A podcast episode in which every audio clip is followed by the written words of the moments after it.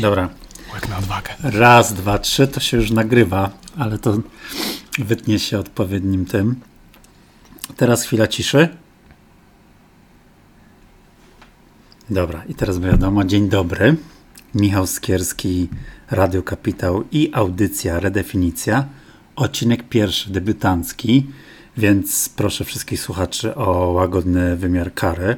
Aczkolwiek bardziej boję się o swoje pytania niż o tym, o tym, jak sobie poradzi mój gość. A moim gościem jest Patryk Zybała, e, który przyjechał do nas aż z Poznania, co bardzo sobie cenię. Patryk, wydaje mi się, że najlepiej będzie, jak e, przedstawisz sam siebie, żeby nie popełnił żadnej gafy w pierwszej minucie naszej audycji. Więc the, floor's, the floor is yours, tak naprawdę. Dziękuję Michał, e, cześć i czołem, witam wszystkich, nazywam się Patryk Zybała e, i na co dzień e, pracuję jako koordynator badań klinicznych w Wielkopolskim Centrum Onkologii w Poznaniu. Zgadza się, też tak mam zapisane, więc może opowiesz trochę o tym, co to właściwie znaczy, że jesteś koordynatorem badań klinicznych. No i jak wygląda Twój typowy dzień w szpitalu? Zapewne większości z naszych słuchaczy koordynator badań klinicznych nie będzie mówić nic, bądź może trochę, ale to nic e, zadziwiającego dla mnie. Czy kim jest koordynator badań klinicznych? Jest taką osobą, która ma za zadanie w ośrodku badawczym wspomóc e, głównego badacza, czyli tego lekarza, który jest odpowiedzialny za prowadzenie badania klinicznego w ośrodku, głównie w procesach administracyjnych, ponieważ badania kliniczne to mnóstwo papierologii, mnóstwo administracji, ale oprócz tego jesteśmy też po to, aby wesprzeć ośrodek w jak po, jakości prowadzenia badań klinicznych, w, w tych wszystkich procesach, które się odbywają w szpitalu. A czyli to jesteś takim łącznikiem pomiędzy szpitalem a firmami farmaceutycznymi? Dobrze Można to tak to nazwać. E, jestem taką osobą, która upraszcza wszystko. Upraszcza wszystko, ale to znaczy, że e, po jednej stronie zawsze jest szpital, a po drugiej stronie jakiś inny podmiot, który z tym szpitalem podejmuje decyzję, że chcą e, zorganizować badanie. Badanie kliniczne, no, na przykład. Ale to nie zawsze musi być firma. Mm, nie, nie musi być to firma w sensie farmaceutyczna, ponieważ jakby no, no czasem na zlecenie badań, na, na, zlecenie firm farmaceutycznych badania kliniczne prowadzą również firmy, firmy, które się tym stricte zajmują. Nazywają się CRO z języka angielskiego Contract Research Organization. Okej, okay. a to są firmy międzynarodowe głównie i podmioty, czy też są jakieś ośrodki polskie, które które zbierają. Jeżeli chodzi o firmy, które prowadzą badania kliniczne, tak? Generalnie z doświadczenia mojego już e, kilkuletniego. Tylko głównie... może nie używajmy nazw, tylko tak ogólnie. Tak, tak, tak, oczywiście. Generalnie są to firmy międzynarodowe, zagraniczne. Okej. Okay. A teraz tak, e, żeby w ogóle zostać koordynatorem do spraw badań klinicznych, to. Co trzeba zrobić? Jest jakaś ścieżka? Co, co, albo co dobrze mieć, żeby, żeby dobrze wykonywać ten zawód? z Twojego punktu widzenia? Jakby mój bo, zawód. Bo Ty już w ogóle ile jesteś lat? Może właśnie opowiedz. E, Myślę, że już około 6 lat już pracuję w zawodzie. Mhm. Generalnie mm, na przestrzeni lat y, ten zawód zrobił się bardzo popularny, co też pokazuje lista najbardziej popularnych zawodów w Polsce jeżeli chodzi o w ogóle branżę badań klinicznych. E, natomiast jak do tej pory nie ma takich stricte formalnych wymagań, co trzeba zrobić, żeby zostać koordynatorem badań klinicznych. Zresztą jest to niezwykle mm, trudny proces dostać się w ogóle do pracy w ośrodkach badawczych. Nie, wszyscy, nie, wszystkie, nie wszystkie szpitale posiadają również takie komórki organizacyjne, które wspomagają badania kliniczne. Natomiast e, ze względu na tą popularność tego zawodu, jakby potrzebę zatrudnienia koordynatorów badań klinicznych, już od kilku lat funkcjonują również studia podyplomowe w tym kierunku które wspomagają jakby proces rekrutacji, jakby, jakby uzyskiwania odpowiedniej wiedzy, którą możemy się posługiwać podczas, e, podczas prowadzenia badań klinicznych. Na pewno takim głównym elementem, bez którego koordynator badań klinicznych nie może być koordynatorem, to brak znajomości języka angielskiego, okay. ponieważ Język angielski jest tutaj kluczowy ze względu chociażby na to, że są to firmy międzynarodowe, zagraniczne, które sponsorują, jakby prowadzą badania kliniczne. Natomiast wszystkie procedury, które, mm, e, które są zawarte w protokołach badaniach klinicznych, to tak, jest taka wielka instrukcja prowadzenia badania klinicznego, wszystko jest w języku angielskim. Na co dzień cała korespondencja między firmą a szpitalem, a badaczem również odbywa się w tym języku, dlatego jest on niezbędny i to jest taki główny, główny element, który powinien mieć koordynator badań klinicznych, znajomość języka angielskiego. A co jest najtrudniejsze? Co jest największym wyzwaniem na co dzień w, takim, e, w Twojej pracy? Nie wiem, czy jest Bo to... Bo mówiłeś, że tam jest bardzo dużo papierko, papierologii, papierkowej tak. roboty. To znaczy, że chyba trzeba być bardzo skupionym i łatwo tak zwane czeskie błędy, które pewno się pojawiają. Tak, a... zdarzają się. Nie, nie byłbym chyba prawdomówny, gdybym tak nie powiedział. No, jakby administracja jest wokół nas wszędzie i tych dokumentów jest coraz więcej.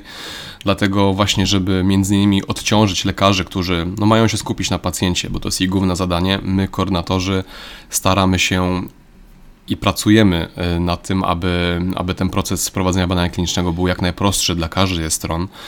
I w sumie na co dzień, czyli jak najtrudniejszy dzień, czy najtrudniejszy, najtrudniejsze e, elementy dnia. Każdy dzień jest inny, niestety bądź stety, więc u nas nie ma rutyny.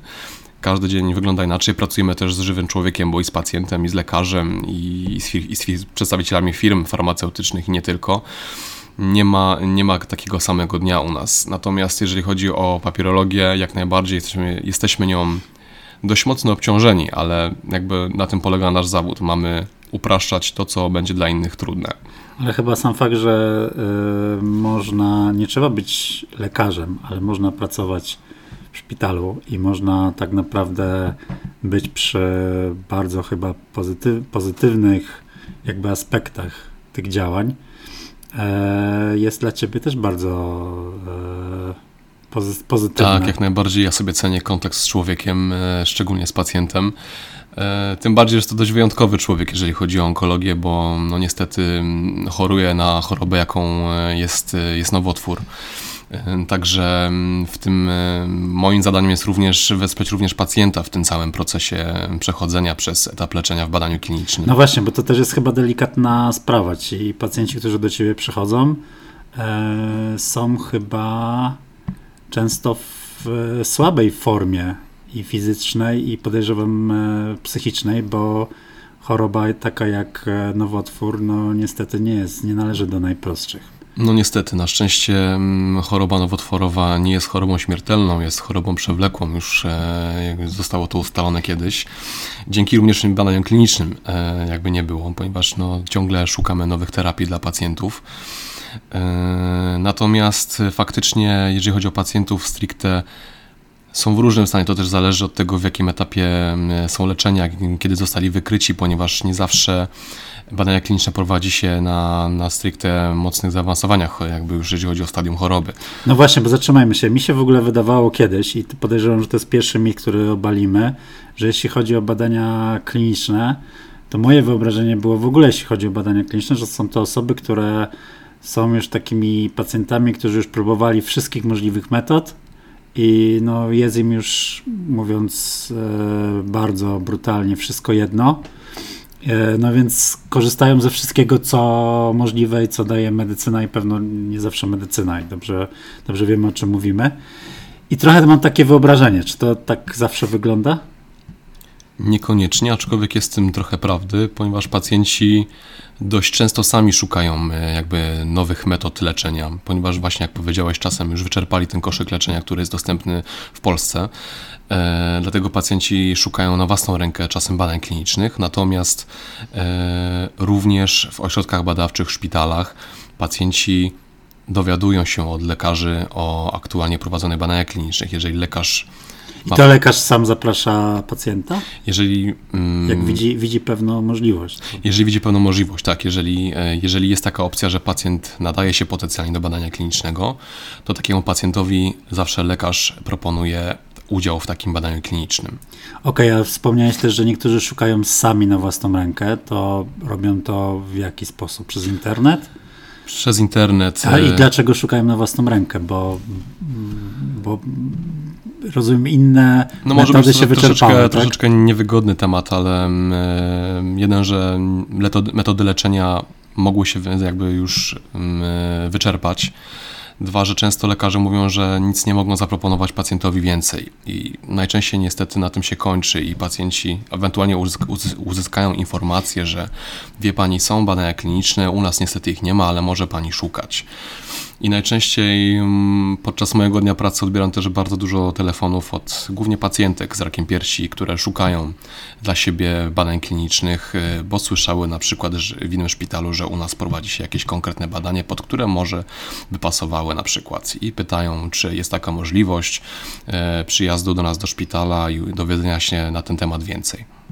Okej, okay, czy są w ogóle, tak generalizując, czy E, jest jakaś różnica między badaniami, badaniami klinicznymi w onkologii, a w innych obszarach medycyny, bo ja często nawet widzę jakieś takie reklamy w mediach społecznościowych różnych laboratoriów czy tam firm, które zapraszają do badań klinicznych, ale podejrzewam, że jest to trochę inny kaliber, aczkolwiek. Tak, kaliber to, to dobre słowo zdecydowanie. W onkologii niestety jest dość dużo pacjentów, jeżeli chodzi o, o ich rozpoznanie. Dlatego też szpitale onkologiczne jakoś niespecjalnie się reklamują, jeżeli chodzi o, o, jeżeli chodzi o badania kliniczne. Zresztą takie reklamy musiały być zatwierdzone przez odpowiednią komisję bioetyczną, żeby mogły, mogły w ogóle wyjść na, na światło dzienne, ponieważ każda treść, którą pacjentowi przekazujemy stricte pod kątem badania klinicznego, musi być zatwierdzona przez odpowiednie organy. Okej, okay. a teraz. E trudno jest namówić pacjentów, bo okej, okay, zrozumiałem, że wiele pacjentów dzwoni, ale na przykład jeśli mamy faktycznie jakąś e, nowe badanie kliniczne, gdzie lekarze typują pacjentów, to ciężko jest ich namówić do udziału w takich badaniach. Jakie są największe obiekcje? Generalnie pacjenta nie można namawiać. To jest podstawowa zasada, to ma być świadoma i dobrowolna decyzja pacjenta. Generalnie wygląda to tak, jeżeli chodzi o taki typowy dzień pracy w szpitalu. Na przykład, powiedzmy, jest pacjent, po raz pierwszy widzi się z lekarzem, omawiają jego sytuację e, stanu zdrowia. Lekarz przedstawia właśnie możliwe metody leczenia, w tym na przykład leczenie standardowe, które jest dostępne w ośrodku, ale na przykład w naszym szpitalu jest badanie kliniczne pod ten konkretny, konkretny nowotwór. Pacjent wstępnie spełnia kryteria włączenia i lekarz przedstawia taką możliwość. I co jest ważne, nie możemy, jak już wcześniej mówiłem, namawiać pacjenta do udziału. Jest to jakby, jest to nieetyczne. Możemy tylko mówić pacjent, możemy przedstawić pacjentowi informację o tym, jakie może uzyskać korzyści, biorąc udział w badaniu klinicznym, ale również o tym, jakie mogą czekać go komplikacje w związku z tym. No właśnie, ale na, na jakim etapie, czy możemy to podzielić na przykład y, albo rozróżnić badania na rodzaje? W sensie na przykład, czy są badania, które, bo na, na jakim etapie te badania są wdrażane?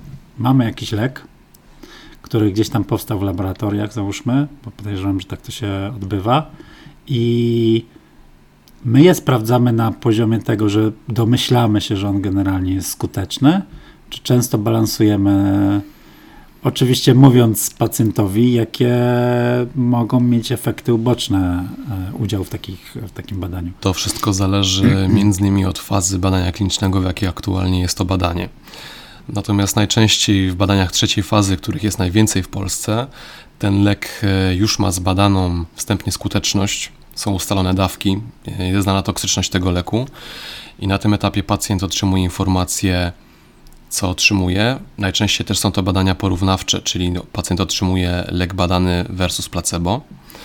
Okej, okay, czyli są dwie grupy, tak? Tak, są, okay. takie, są takie badania, gdzie, gdzie badania są ramiona w badaniach klinicznych. I pacjent nie wie, jaką, e, jaką zostaje, rozumiem. To zależy od tego, jak jest skonstruowany protokół, ponieważ niektóre badania kliniczne przewidują, że będzie otwarta próba, więc i pacjent, i lekarz będą wiedzieli, co pacjent dostaje.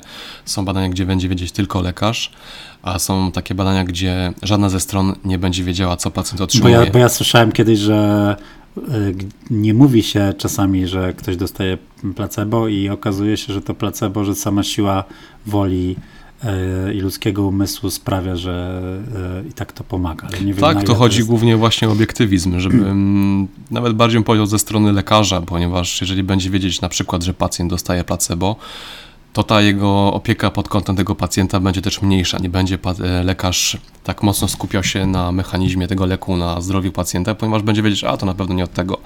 I jakby między innymi dlatego też te, te podwójne ślepe próby są e, w badaniach klinicznych utrzymywane. Okej, okay, ale generalnie pacjent, zanim podejmie decyzję, on jest informowany o tym wszystkim, tak? Tak. Znaczy, łącznie z tym, że może trafić do grupy placebo, ale no nie będzie na przykład o tym wiedział. Podstawowym prawem pacjenta w badaniu klinicznym jest to, że musi uzyskać pełną informację, jeden, że o stanie swojego zdrowia, ale dwa, o badaniu klinicznym, w którym będzie brał udział. Także dopiero po podpisaniu świadomej zgody, to jest taki najważniejszy dokument w badaniu, to jest taka, można powiedzieć, umowa między pacjentem a lekarzem, a firmą, że pacjent wchodzi do tego badania, zgadza się na poddanie badaniu klinicznemu, co też jest taką umową, że będzie przychodzić na konkretne wizyty, co niestety są one o wiele częściej e, jakby w badaniach klinicznych, ale to wszystko ze względu na bezpieczeństwo pacjenta. Więc w pewnej, w pewnej kwestii można powiedzieć, że generalnie badania kliniczne zapewniają lepszą opiekę, ponieważ pacjent jest obserwowany z każdej strony przez wiele różnych osób. Pod kloszem i. Można powiedzieć, że troszeczkę pod, jest pod kloszem. Pod mikroskopem tak. wręcz generalnie ma o wiele częściej różnych, e, różnych badań, badań obrazowych, badań krwi, ale to wszystko dlatego, jeden, że dla jego, dla jego bezpieczeństwa, ale również dla potencjalnego przyszłego bezpieczeństwa reszty pacjentów. Czyli mamy takie możliwości teraz, widzę, że z jednej strony ten, e, to, to może być zagrożenie dla zdrowia danego pacjenta, ale pacjent jest na takim etapie, że i tak chce spróbować, ale też te leki, jeśli są na trzecim etapie, oznacza, że one są jednak już gdzieś e, przebadane. Podejrzewam, że w laboratoriach na małych zwierzątkach. To generalnie jeszcze w fazach przedklinicznych. To jeszcze faktycznie, jeżeli e, badania wstępne wykażą, że dana substancja, dana cząsteczka wykazuje właściwości terapeutyczne, przechodzi się do fazy pierwszej badania, gdzie podaje się taką substancję po raz pierwszy u człowieka. Okej, okay, i teraz to jest tak, że e, udział w takim badaniu może na przykład e, pomóc w sensie pozytywnym, że nagle się okazuje, że te leki są faktycznie skuteczne i jak najbardziej, no jakby niestety nauka jest taką dziedziną, gdzie wszystko się może zdarzyć i nie jest to zawsze, nie jest to szablonowy wynik. U jednego pacjenta ten, ta odpowiedź na leczenie może być natychmiastowa, na jednego pacjenta to nie może zadziałać. Ja jakby o to chodzi, żeby zbadać te, ten potencjalny lek i, i dowiedzieć się, czy ma on dalszy potencjał, e, jeżeli chodzi o właściwości terapeutyczne. Jeżeli badania pierwszej fazy, ta analiza wykaże, że lek jest bezpieczny dla pacjenta, bo tak naprawdę w tej fazie głównie bada się bezpieczeństwo, bada się toksyczność, metabolizm leku, jaką się zachowuje, czy nie reaguje z innymi lekami bądź z jedzeniem. I jeżeli wyniki tej fazy będą obiecujące i zostaną zatwierdzone do kontynuacji przez organy regulatorowe, to zależy od odnośnie tego, gdzie, w, w jakim państwie jest dane badanie, kliniczne prowadzone. Jeżeli uzyska, uzyska zgodę na badania w dalszych fazach badań, badań klinicznych, to taki lek przechodzi na szerszą populację pacjentów. W drugiej fazie badamy głównie dawkowanie, czyli ustalamy taką bezpieczną dawkę dla pacjenta. No i to jest tak, że często się okazuje, że podejrzewam, zaraz mi potwierdzisz, że właśnie ci pacjenci nie reagowali na przykład na inne leki albo na inne terapie i nagle ten lek e, i obecność właśnie w tym badaniu klinicznym zmienia w ogóle mm, postać rzeczy i jakby status tego pacjenta. Tak, też przepraszam, Mówiąc bo trochę brutalnie. się jeszcze pośpieszyłem właśnie odnośnie pierwszych faz. Często takie badania są nazywane badaniem ostatniej szansy, ponieważ mhm. pacjenci już mogli wyczerpać całkowite możliwości leczenia i jakby no już generalnie ich sytuacja jest tak beznadziejna, że niestety no już nikt nie przewiduje dalszego leczenia z tym pacjentem, a tu nagle się okazuje, że jest możliwość wzięcia badań w badaniu klinicznym. I tak naprawdę głównie ze względu na do, dobro nauki w sumie, aczkolwiek zawsze dobro pacjenta jest ponad wszystko. Jeżeli, e, jeżeli nasi słuchacze myślą inaczej, to musimy ich wyprowadzić z tego błędu. Dobro pacjenta jest na pierwszym miejscu zawsze, nawet ponad korzyścią dla nauki. No właśnie i to jest bardzo ważny też aspekt, bo ja miałem, mam kolegę, który e, miał ojca właśnie mm, chorego na nowotwór który nie był już uleczalny i tam po prostu liczono już w tygodniach. E, I teraz jest pytanie, czy na, na jakby udział w badaniach klinicznych też pewno ma rodzina, która w pewnym momencie, gdy widzą, że nie ma już pomocy, pewno sami na własną rękę szukają jeszcze ostatniej deski ratunku, jakkolwiek brutalnie by to nie zabrzmiało. Tak, to prawda, niestety. Niestety muszą e, dość często szukać tych informacji, natomiast no, jak wspomniałem, jeżeli są ośrodki, które prowadzą dużo takich badań, albo mają wiedzę, gdzie może, można takiego pacjenta skierować, to to robią. Okej, okay, a jakie są największe wyzwania w takiej Twojej pracy, w ogóle jeśli chodzi o badania kliniczne? Badania kliniczne w onkologii mm, są dość e, trudnym obszarem, jeżeli chodzi o, o, o, o badania kliniczne, jakkolwiek to brzmi. W każdym razie są one wyjątkowe i nie mogę powiedzieć, e, że, że jest to plus, ponieważ no, współpracujemy z dość chorym pacjentem. Natomiast w porównaniu do innych badań klinicznych, no tutaj generalnie bada się głównie cytostatyki, bądź jakby już innowacyjne terapie pod kątem immunoterapii, terapii biologicznych, leczenia celowanego. W każdym razie są to badania, w których istnieje bardzo dużo toksyczności oraz zdarzeń niepożądanych w porównaniu do innych badań klinicznych. Dlatego tutaj, jest tutaj troszeczkę roboty, jeżeli chodzi o administrację, ponieważ każde zdarzenie niepożądane, w tym ciężkie, muszą być zgłaszane niezwłocznie do, do firm farmaceutycznych, które prowadzą odpowiednie rejestry, zgłaszają to dalej. I pod kątem oczywiście dbania o bezpieczeństwo pacjenta. I co się wtedy dzieje? To jest tak, że możliwe jest zatrzymanie na przykład takiego badania klinicznego, jeśli się pojawią.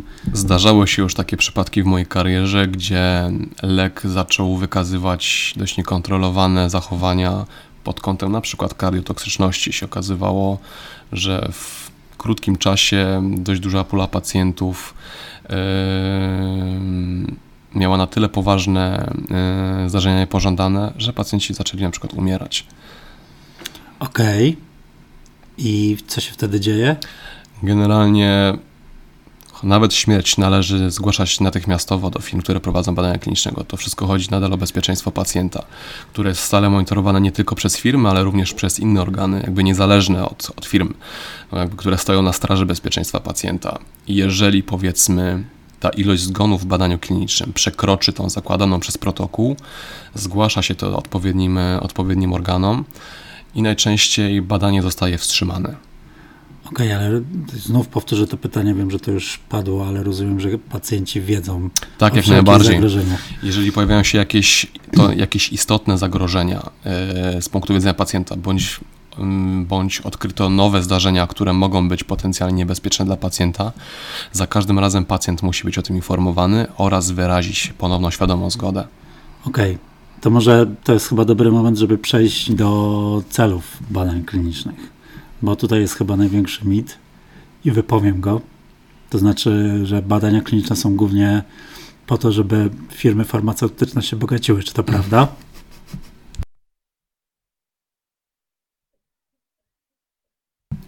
Nieodłącznym elementem rozwoju medycyny są właśnie badania kliniczne, które mają na główne cele znalezienie nowych terapii lekowych dla pacjentów oraz polepszenie ewentualnie tych już istniejących. Eee Zapomniałem, co miałem mówić.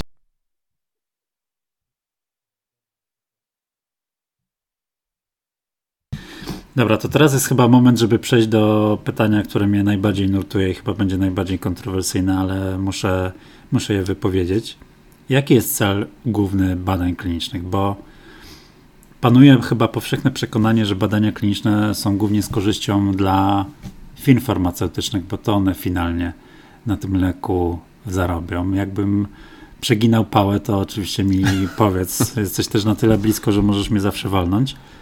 Ale chętnie pogadam o tym micie i może uda nam się go obalić, jeśli jest taka możliwość. Jasne. To może od początku. Jakby jeżeli chodzi o rozwój medycyny, to nieodłącznym elementem są badania kliniczne, które mają na celu znalezienie nowych metod terapii bądź już ulepszenie tych istniejących.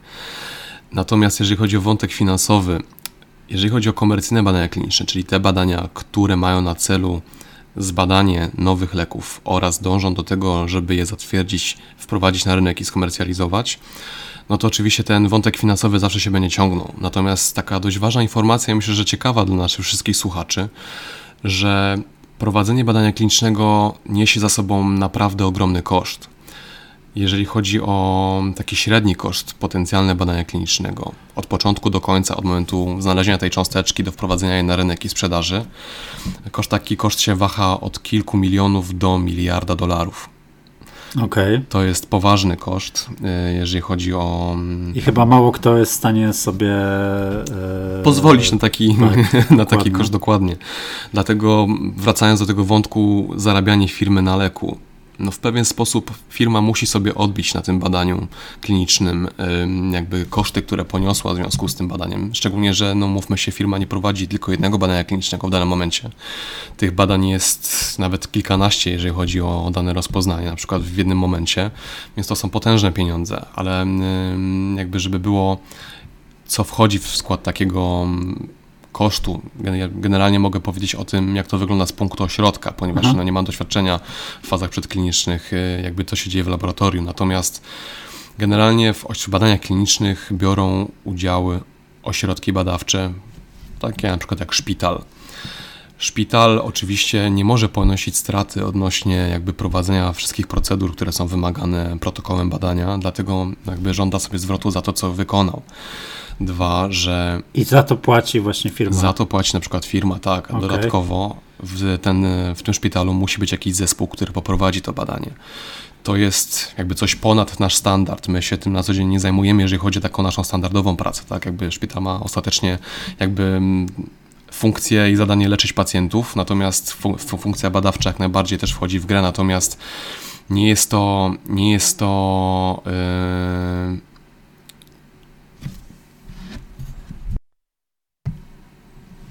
nie jest to główny element, czy główne zadanie jakby pracy e, pracowników, personelu całego szpitala. Na taki skład zespołu wchodzi ba, często bardzo dużo lekarzy, ale również koordynatorów, pielęgniarek, farmaceutów, laborantów. Te wszystkie osoby są zaangażowane w proces prowadzenia badania klinicznego w ośrodku.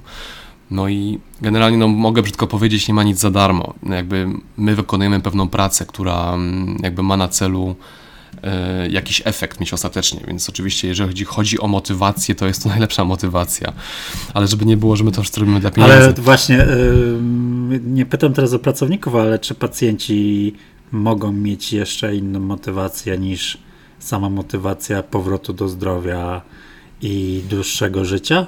Mm, są takie programy, gdzie otrzymują na przykład jakąś formę wynagrodzenia? Jeżeli chodzi o badania kliniczne w onkologii, e, takiej opcji nie ma. Natomiast y, są badania. A to, czy to wynika z jakiejś etyki, czy to y, czy tak się po prostu. Po pierwsze z etyki, darło? po drugie, mm, no podajemy leki toksyczne. Mhm. Między innymi, jak wcześniej wspomniałem, są to leki cytostatyczne. E, więc... Cytostatyczne, czyli Cytostatyki, czyli jest to taka grupa substancji syntetycznych i naturalnych, które wykorzystuje się w trakcie chemioterapii skierowanej przeciwko chorobom nowotworowym. W związku z tym, żeby nie narażać zdrowych pacjentów na jeszcze dodatkowe obciążenie bądź toksyczności, takie leki podaje się już pacjentom chorym. Jeżeli chodzi o onkologię, no to e, pierwsze fazy odbywają się właśnie na pacjentach już rozpoznanych z, z jednostką chorobową e, nowotworową. No i tam jest chyba ta największa motywacja, tak, żeby utrzymać po tak, prostu tak. swój organizm e, jak najdłużej i przy jak najlepszym zdrowiu. Dokładnie, a oprócz tego czasem w badaniach klinicznych, w onkologii, wzięcie udziału w badaniu klinicznym przez pacjenta daje mu też dostęp do najnowocześniejszych terapii lekowych, jakie istnieją na świecie. Nie wszystkie leki, które u nas są nawet zarejestrowane w Polsce, są refundowane bądź są ograniczone do dość bardzo wąskiej grupy pacjentów. A taki, takie, wzięcie, takie wzięcie udziału w badaniu klinicznym pozwala pacjentowi właśnie uzyskać dostęp do tych terapii, które na co dzień po prostu są dla nich niedostępne albo są bardzo drogie. Czasem jedno podanie leku e, w danej jednostce może nawet kosztować kilkadziesiąt tysięcy złotych, a taki pacjent musi na przykład przychodzić co 3-4 tygodnie przez na przykład dwa lata. To myślę, że to jest też bardzo. Dobra, czyli z tego co mówisz, to tak e, de facto e, są to terapie, które są po pierwsze niedostępne, po drugie bardzo drogie, więc to też powinna być wystarczająca motywacja dla pacjentów, szczególnie jeśli, jeśli już są w jakimś stanie chorobowym. I teraz pytanie, jak długo trwa taka terapia? To wszystko zależy, jak został ustalony protokół badawczy. Niektóre badania trwają rok, na przykład pacjent uzyskuje tylko 12 podań leku, ponieważ tak zakłada protokół, na przykład to jest leczenie uzupełniające. A są takie badania, gdzie pacjent otrzymuje leczenie aż do momentu progresji choroby. O, i to jest bardzo dobra informacja. Dobra, czyli podsumowując, dla mnie chyba najbardziej istotną e, sprawę, jeśli chodzi o badania kliniczne w Twoim obszarze, to przede wszystkim to, że jest to hmm, chyba każdemu daje jakąś, jakiś pakiet korzyści, każdej ze stron, bo przede Można wszystkim pacjent, który ma dostęp do leczenia, do którego prawdopodobnie nie, by nie miał i nie, nie mógłby sobie na to pozwolić. Po drugie, szpital, bo też bierze udział w czymś postępowym i cały czas jakby też uważam, że wpływa to na jego rozwój. No firma farmaceutyczna, no to, to jest chyba oczywista oczywistość, ale w generalnym rozrachunku całe ten, całe to naczynie i cały ten proces pozwala tak de facto na ogólny postęp w medycynie i w danym w danej dziedzinie. Tak, jak najbardziej. No, to jest główne założenie jakby prowadzenia badań klinicznych. Ciągle się rozwijamy i szukamy tego postępu. Czy ty w swojej pracy, bo pracujesz już nim kilka lat, e, zauważyłeś, że właśnie brałeś udział w badaniach i dzięki temu już jest widoczny jakiś efekt? Możesz w ogóle o czymś takim mówić? Czy to jest Mogę powiedzieć bardzo ogólnie. Już w projektach, w których brałem udział, niektóre e, już się zakończyły. E, ostatnia faza badań, faza badania rejestracyjna, czyli ta badania, ta fa...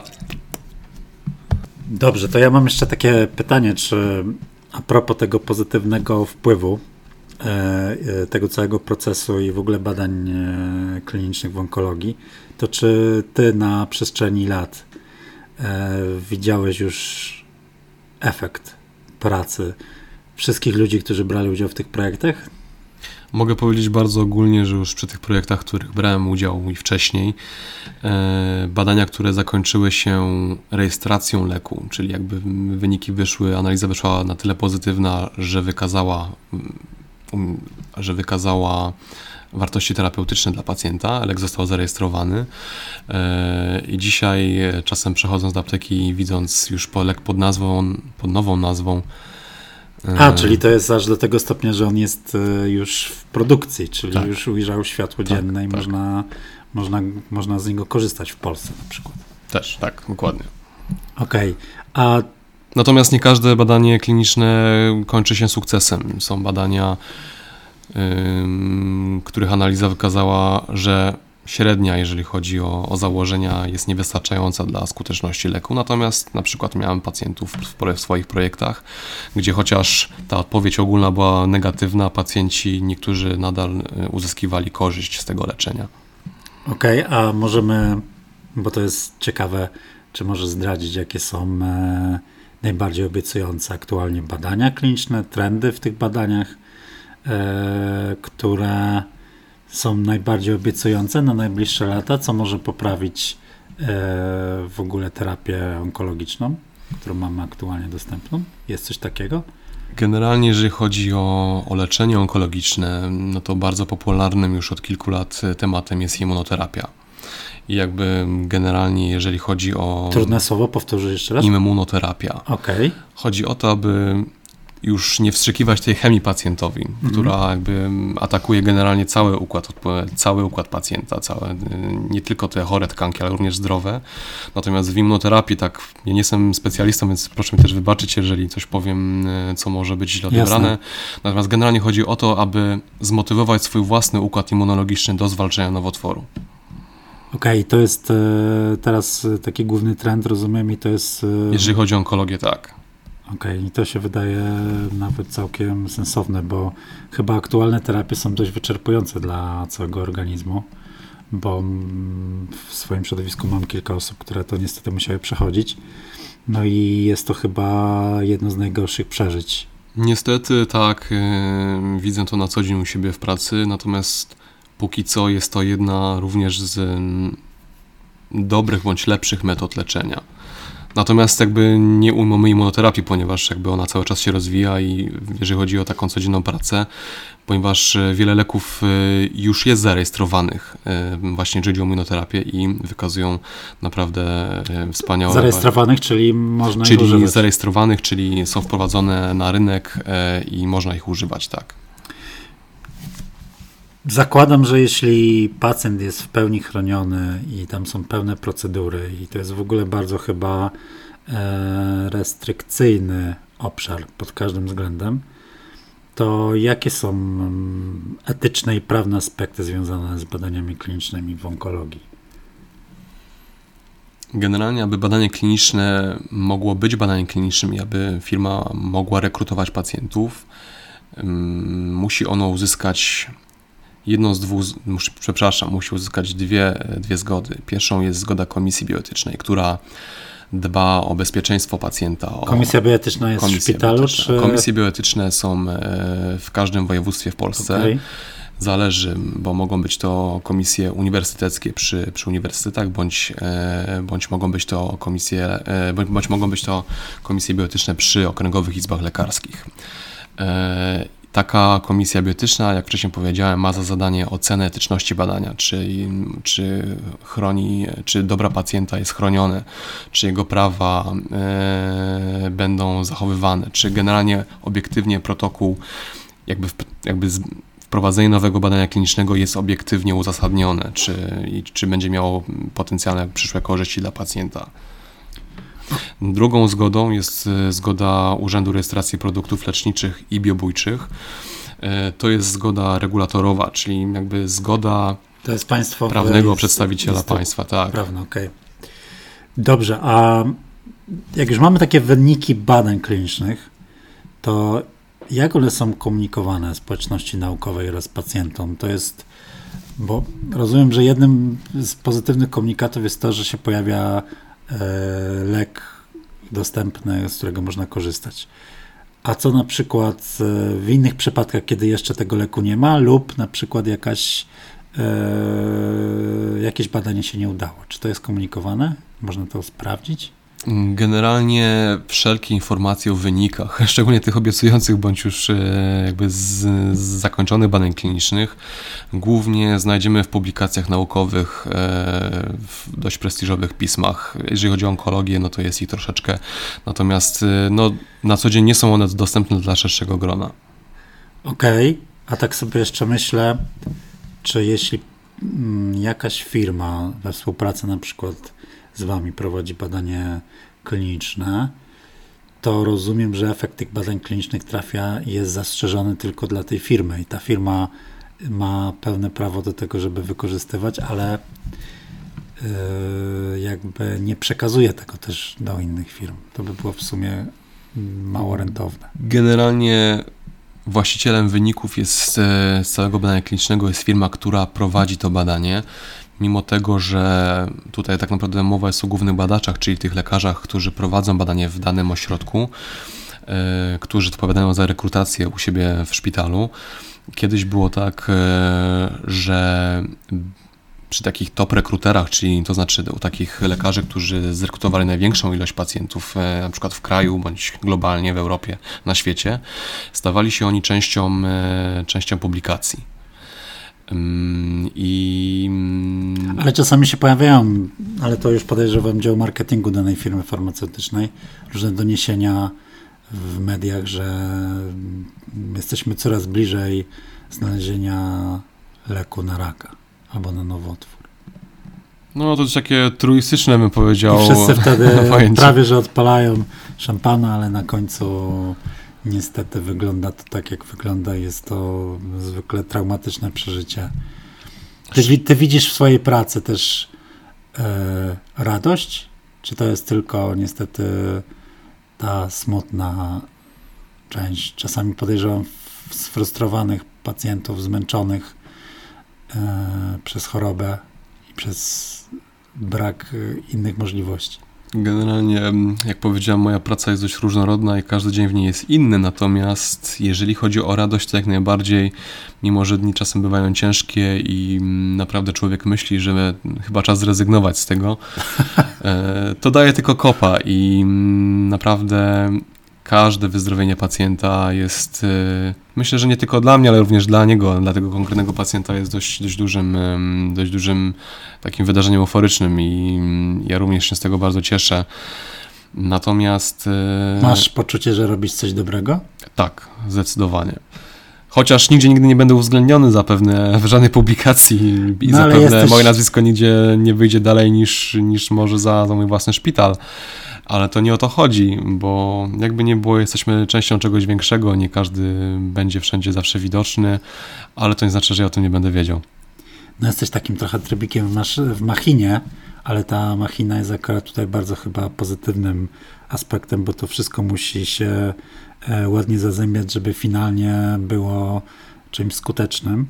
A powiedz mi tak w ogóle, jeśli chodzi o Polskę, to poziom badań klinicznych jest na podobnym poziomie jak w innych krajach? Ty masz jakiś kontakt? No wiem, że komunikujesz się w języku angielskim, więc podejrzewam wynika to z tego, że są to właśnie międzynarodowe firmy, ale masz kontakt z innymi swoimi powiedzmy klonami e, z innych krajów i jest to podobne, lepsze, gorsze. Jeżeli chodzi o stricte statystyki, to e, tego tobie nie powiem, jak to wygląda mm, jeżeli chodzi o inne kraje. Natomiast co mogę powiedzieć, no od kilku lat obserwuje się w Polsce, że rynek badań klinicznych z roku na rok wzrasta.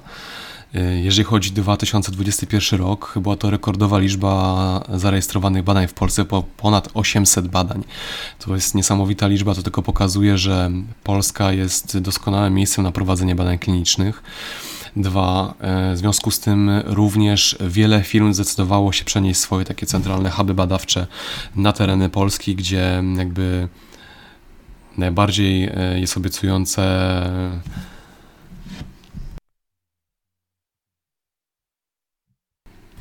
na tereny Polski. Dobrze. No ale co. Dobra, a teraz jeszcze chciałem Cię zapytać. E czy w Polsce poziom badań klinicznych jest na podobnym poziomie jak w innych krajach? Bo z tego co wiem, wiem, że masz kontakt e, z firmami międzynarodowymi, ale pytanie, czy masz jakiś taki porównanie, benchmark z, ze swoimi kolegami z innych krajów?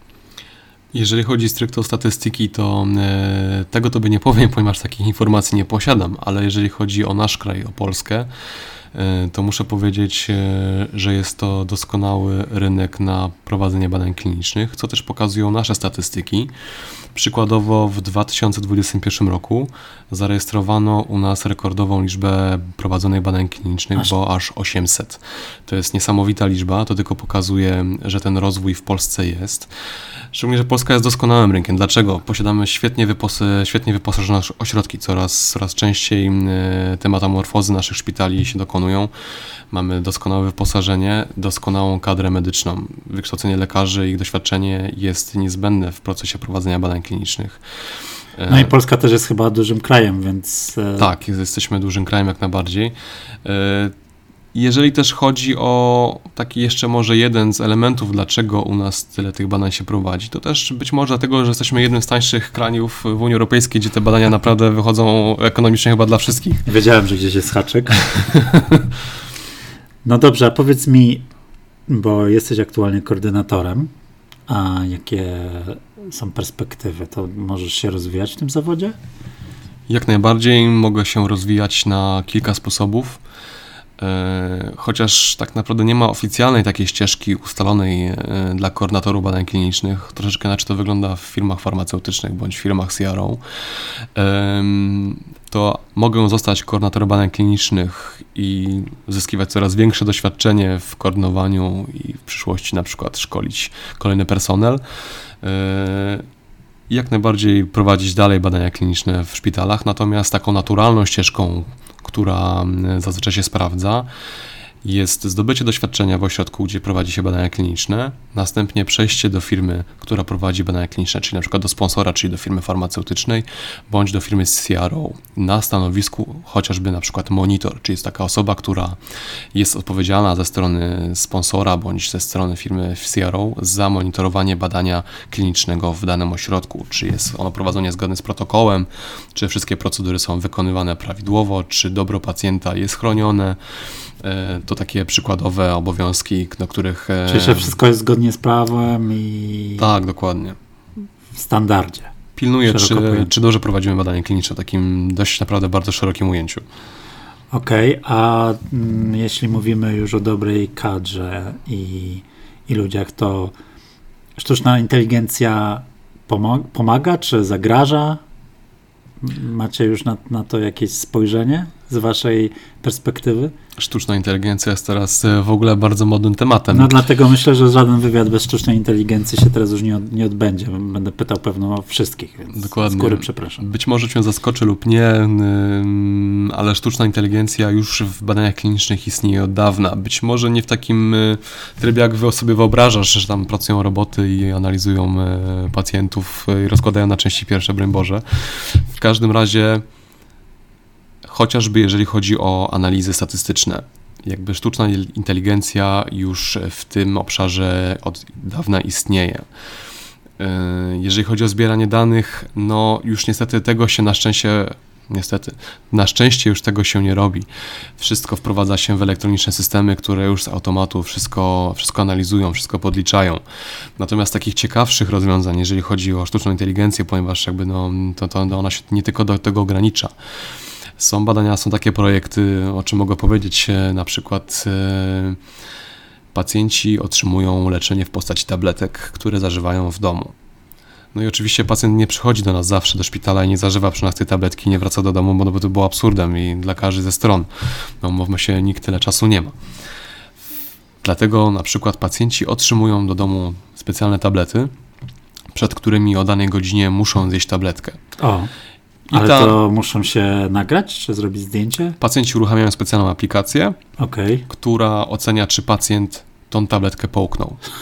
Okej, okay, ale to jest w sumie bardzo dobra kontrola i, i pewność, że jakby badanie jest prawidłowo przeprowadzone. Tak, no zmniejsza to ilość wizyt na pewno w ośrodku, co jest wygodą dla pacjenta, ponieważ... Ale co, co wtedy pacjent, jak nie realizuje tego, to co, dostaje karę, idzie do konta?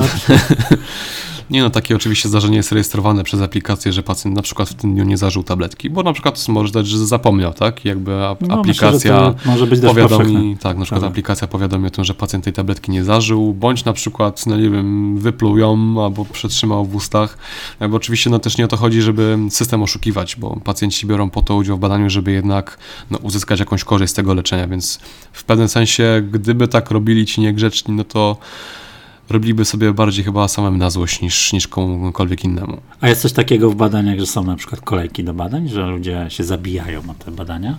Zabijają może nie i tego słowa bym unikał. Może tak, może źle Natomiast, ale wiem o co chodzi jak najbardziej. Yy, są takie badania, gdzie głównie diagnostyczne na pierwszym etapie, yy, nawet mam takie badanie w swoim ośrodku, gdzie bada się potencjalne ryzyko nawrotu choroby u pacjentek z rakiem piersi. I są to badania diagnostyczne na podstawie krwi. E, jest ono na tyle popularne, że mamy już dość dużo naprzód y, ustalonych pacjentek do przodu, bo około aż 50, chyba 50 osób, tak mi się wydaje. I to, I to nie są, to są mm, też pacjenci tylko z waszego szpitala, czy? Nie, nie to są pacjenci z całej Polski. Okej. Okay. Czyli mm, tak naprawdę, ale tylko z Polski mogą być, tak? Czy bo to jest tylko w ramach y, granic państwa? Generalnie pacjent może przyjść skądkolwiek. Mm, jakby sytuacja mm, na, na Ukrainie pokazała nam, że musimy być elastyczni. Mhm.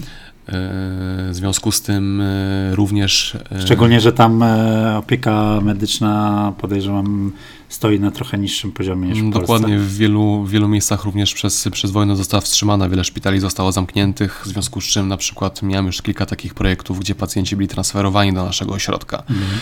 Ale e, na czym to polega też, jeżeli chodzi w ogóle o, o rzetelność prowadzenia badania klinicznego, też o bezpieczeństwo tego pacjenta, no bo mówmy się, no nie każdy pacjent mówi w języku polskim, więc jest to jakby też pierwsza taka bariera A wy też nie byliście szkoleni na przykład no wiadomo. z rosyjskiego albo ukraińskiego. Są osoby, które posługują się biegle tym językiem u nas w szpitalu. W związku z tym też e, nasz szpital zatrudnił tłumaczy, o. ale też było wiele firm, które prowadziły badania kliniczne, które również takich tłumaczy zapewniały. E, no bo ponieważ no, musimy jakąś informację od tego pacjenta uzyskać. E, ale jakby też pytałeś się, czy mamy tych pacjentów z całego świata. Generalnie jakby no ogranicza, ograniczamy się do, do pacjentów, którzy mówią w języku polskim. W, takim, w, takim, w takiej formie też mamy przygotowane dokumenty dla naszych pacjentów. Natomiast, żeby nie było, e, takie dokumenty w języku ojczystym pacjenta, ponieważ pacjent musi rozumieć, co czyta. Okay. To, że na przykład rozumie trochę polski, może to być Niemiec, może to być Ukrainiec. Mieszkający w Polsce na Dokładnie. Przykład.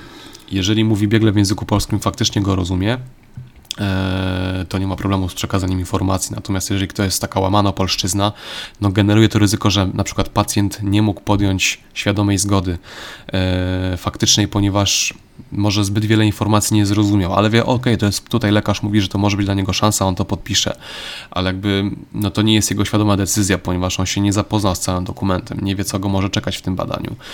E, a to jest, jak wspomniałem wcześniej, najważniejszy dokument w badaniu klinicznym ze strony pacjenta.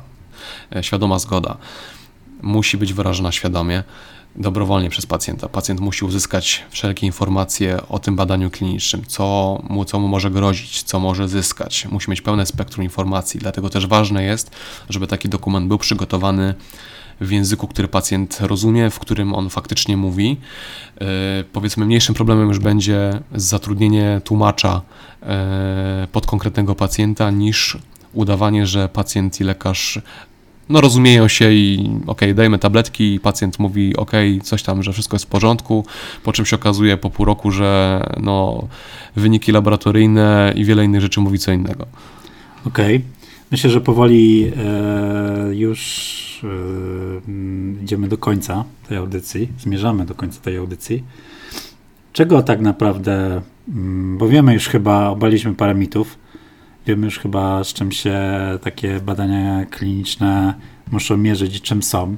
I chyba obaliliśmy parę przekonań i wyjaśniliśmy, dlaczego ten proces wygląda tak, a nie inaczej. Wygląda na bardzo profesjonalny, więc myślę, że jest z korzyścią dla wszystkich, dla postępu medycyny, a w przyszłości dla dobra ludzi, tak de facto.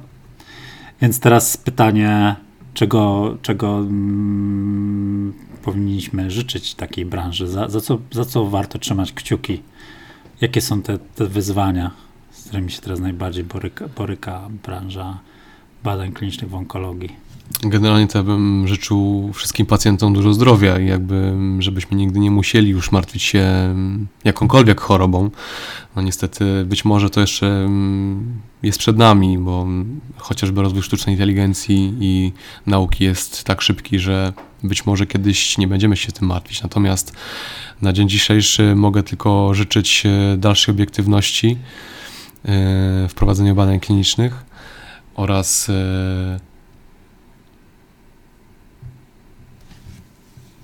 oraz żeby świadomość badań klinicznych wśród pacjentów ciągle wzrastała, ponieważ no do dnia dzisiejszego E, badania kliniczne mają jeszcze różną opinię wśród pacjentów, co też jakby jest takim pewnym utrudnieniem w ich rekrutacji, ale to też ze względu na to może nasze, naszą przeszłość, jeżeli chodzi o kraj. A ty powiesz coś więcej? Oczywiście. E, chociażby taką z mojego z własnego doświadczenia, no, pacjenci często nie rozumiejący, czym są badania kliniczne, bądź byli wprowadzani w błąd, mówią, nie chcę być królikiem doświadczalnym. I myślę, że z tym przekonaniem e, no, czas już skończyć, ponieważ głównym zadaniem, oprócz jakby tych szukania nowych metod leczenia, zawsze będzie bezpieczeństwo pacjenta, więc to nie jest tak, że pacjent podpisuje jakiś papierek, jakąś zgodę i robimy z nim co chcemy. Zawsze będą nad nami czuwać jeszcze inne organy, które będą strzec bezpieczeństwa pacjenta. Myślę, że to jest taki mm, najważniejszy atut, jeżeli chodzi o, o, ich, o ich bezpieczeństwo, w ogóle o prowadzenie badań klinicznych. No myślę, że to są dwa kluczowe aspekty: transparentność i pełna swoboda i decyzja po stronie pacjenta. I e, docelowo uważam, że jest to jednak z tego, co mi opowiadasz, tylko pozytywny aspekt. I jeśli mamy zachowane te standardy, to myślę, że każdy może sam podjąć decyzję, czy warto w takich badaniach brać udział, czy nie. Gdybym sam miał możliwość wzięcia w badaniu klinicznym, jeżeli bym zachorował, no mam nadzieję, że nigdy nie będzie to rozpoznanie onkologiczne, ale wydaje mi się, że również wybrałbym, gdybym miał, gdybym miał opcję wyboru, to zdecydowanie wybrałem badanie kliniczne. Zawsze to będzie nowa możliwość leczenia, być może lepsza. Też tak mi się wydaje. Dobra, Patryk, dzięki wielkie za mm, odpowiedzi na te trudne pytania. Mam nadzieję, że, że się nie stresowałeś. Jeszcze dwie rzeczy na sam koniec. Chciałbym, żeby to był rytuał w ogóle tego programu. Po pierwsze, możesz się pochwalić książką, którą e, ostatnio czytałeś. Oczywiście. Yy, moja ostatnia pozycja, którą właśnie skończyłem niedawno, to Pogo Jakuba Sieczkowskiego, opowiadająca o życiu ratownika medycznego, który jeździ karetką, opowiadająca o dość prawdziwych i okrutnych e, sytuacjach, które spotykają pracowników ochrony zdrowia na co dzień. Czyli to jest książka reportażowa. Zdecydowanie tak. Okej, okay. a więc no, polecamy. Ja w ogóle mam ją na liście, więc świetnie się składa. A jeszcze jedna rzecz, to po Twoim wywiadzie puścimy e, piosenkę, którą sam zaproponujesz. Masz, e, prosiłem, żebyś się zastanowił, więc. Myślę, że coś tam już mi wpadło do głowy. E, powiesz, co to jest? Jak najbardziej myślę, że to będzie piosenka z dość miłym przesłaniem na sam koniec i z taką dość dużą, dość dużą dozą optymizmu. To piosenka Madonny Nothing Really Matters. Ze świetnym e, zresztą teledyskiem e, polecam e, i słuchać i oglądać jednocześnie. Najpierw oczywiście posłuchajcie u nas. Ja dziękuję Ci za wywiad. Ja dziękuję za zaproszenie. Dzięki.